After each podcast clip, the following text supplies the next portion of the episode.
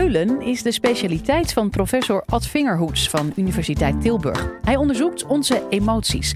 Want waarom zijn mensen de enige zoogdieren die huilen? En waarom huilt de een meer dan de ander? Je komt erachter in deze nieuwe podcast.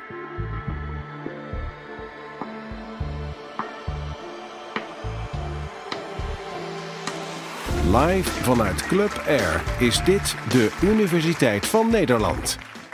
Dames en heren, mag ik jullie uitnodigen om met mij mee te gaan terug in de tijd. Ongeveer 25 jaar bij mij thuis op de bank. Ik had uh, denk ik hard gewerkt, was een beetje vermoeid. En uh, ik zet de televisie aan, uitgezakt op de bank. En daar komt zo'n, ja, zo'n echt, we zullen dat op zijn Nederlands noemen we dat een B-film. Zo'n sentimentele film. Het gaat over een meisje van een jaar of 15 en die heeft kanker. En dan is er zo'n Make Me a Wish programma. En uh, zij zegt, ik wil de president ontmoeten. En dat wordt geregeld. En Clinton was destijds president. Die speelt zichzelf in die film. En dan heb je een scène dat president Clinton tegen dat meisje zegt, iets in de trant van... Nou, welkom hier. Dit is het beroemde Oval Office. En hier ontvang ik alle belangrijke mensen van de hele wereld. Maar de allerbelangrijkste, dat ben jij. En ik begin me toch te janken. Kunt u dat begrijpen? Ik wist echt niet wat me overkwam. Ik denk, wat is dit voor een belachelijke, absurde reactie? Maar tegelijkertijd prikkelde het mij wel van, waarom doe ik dit in hemelsnaam? Wat, wat heeft het nou voor zin dat ik nu op dit moment ga zitten janken? En dat zette mij aan om, ik deed toen al een beetje onderzoek op het gebied gaan, maar om daar extra gas te geven en nog veel meer onderzoek te gaan doen op dat. Dat was een vraag die integreerde me. Oké, dus waarom huilde ik op dat specifieke moment? Maar ik wil het nu even meer algemeen houden en eigenlijk de vraag stellen: waarom is de mens de enige soort die huilt met tranen? Want dieren doen dat niet. Nou, we gaan eens kijken hoe zit het met tranen. Je hebt in feite, zoals je ziet, drie soorten tranen. De basale tranen, dat zijn in feite tranen die door kleine traankliertjes die onder je ooglid zitten. En die met elke knipper wordt er weer een nieuwe tranenfilm over je oog gelegd. En die beschermen zo je oog en die voeden je oog. Maar daar hebben we het niet over. Dan de tweede soort tranen, dat zijn de irritatie- of reflextranen. De uientranen. Of de tranen die we laten als er een vuiltje in ons oog zit. Die spoelen ons oog schoon. Ook dus ter bescherming in feite. Ook daar gaan we het niet over hebben. Wij gaan het nu hebben over die derde soort tranen, die emotionele tranen. En die emotionele tranen, die dus uniek zijn voor de mens, die andere tranen niet, die worden, net als overigens wel die reflex- en irritatietranen, uitgescheiden door een grote traanklier en die ligt boven het oog. En um, ja, dat doen baby's als ze een paar weken, een paar maanden oud zijn. Aanvankelijk huilen baby's zonder tranen. En in dat opzicht zijn ze eigenlijk vergelijkbaar, dus dat huilen zonder tranen, zijn ze vergelijkbaar met bijna alle zoogdieren en ook vogeltjes, die ook, ja, als je ze bij de moeder weghaalt, gaan huilen, gaan piepen, gaan janken. Je ziet daar dat een cavia-jonkies, dat die vooral huilen als ze dus weggehaald zijn bij de moeder. Maar als ze in gezelschap zijn van de moeder, dan huilen ze niet. En dat geldt ook voor mensenbaby's. Het is heel belangrijk. Huilen is wel eens heel mooi de akoestische navelstreng genoemd. dus het zorgt voor contact tussen kind en moeder. En, um, maar de vraag is, waarom die tranen? Als dieren het af kunnen met alleen maar huilen, vocaal huilen, waarom hebben die mensen die tranen nodig? Nou, eerst even dat akoestisch huilen.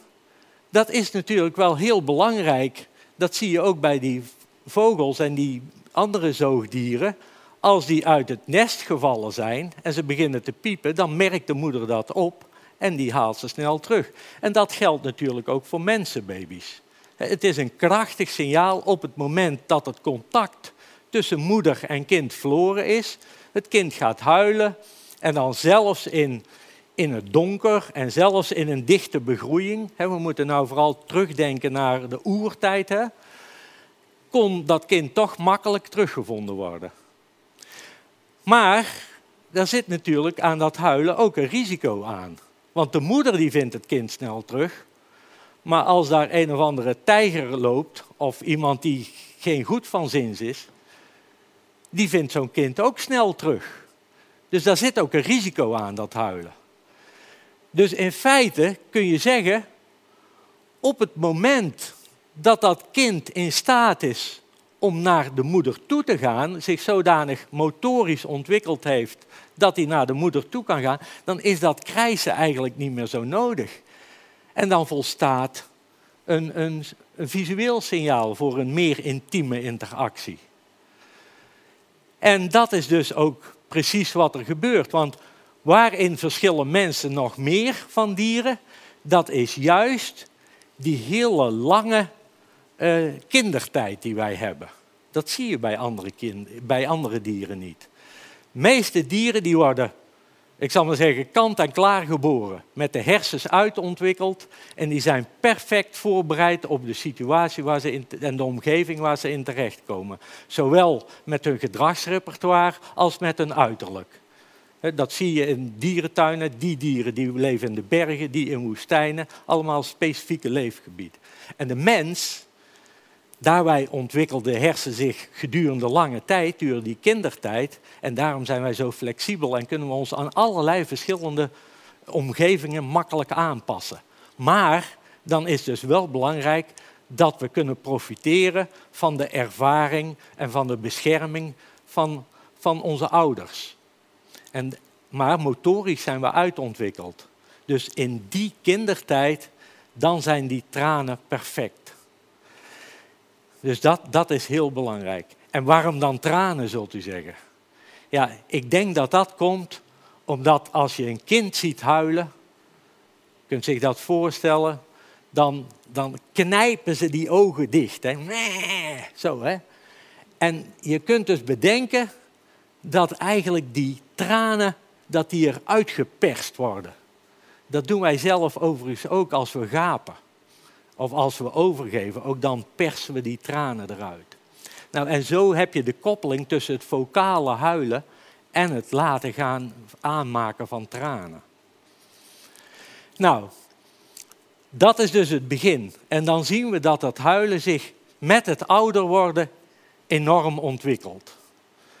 Je ziet dus de oorzaken, de aanleidingen van het huilen. Er zijn er een paar die blijven ons hele leven van belang dat is machteloosheid. Dat is echt de het kerngevoel. Het gaat niet zozeer om verdriet, maar machteloosheid. Vaak gekoppeld aan andere gevoelens. Je bent verdrietig en machteloos, maar je kunt af en toe ook angstig of machteloos zijn. Of zelfs boos en machteloos.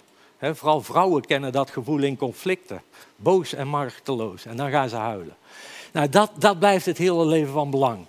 En ook verliessituaties en gescheiden worden van van uh, significante anderen. ook dan, dat maakt ons aan het huilen. Het hele leven lang. dus overlijden van iemand, uh, relatiebreuken en heimwee, dat zijn bij uitstek de gevoelens die gepaard gaan met huilen. En dan heb je nog bij kinderen, daar is ook fysieke pijn heel belangrijk. Maar eigenlijk met het ouder worden, dan wordt dat minder. Volwassenen en bejaarde mensen die huilen niet zo vaak vanwege fysieke pijn. Maar wat wel belangrijk wordt wanneer we ouder worden, dat is, dan gaan we ook huilen niet alleen om het eigen ellende en lijden, maar ook om de ellende en het lijden van anderen. dus het empathische huilen. Dus je kunt eigenlijk aan de hand van waarom wij huilen kun je aflezen waar wij staan in onze socio-emotionele ontwikkeling. En dat is nog, ver, nog, zeer, uh, nog veel meer geldt dat voor het huilen dat ook toeneemt met het ouder worden, voor positieve situaties.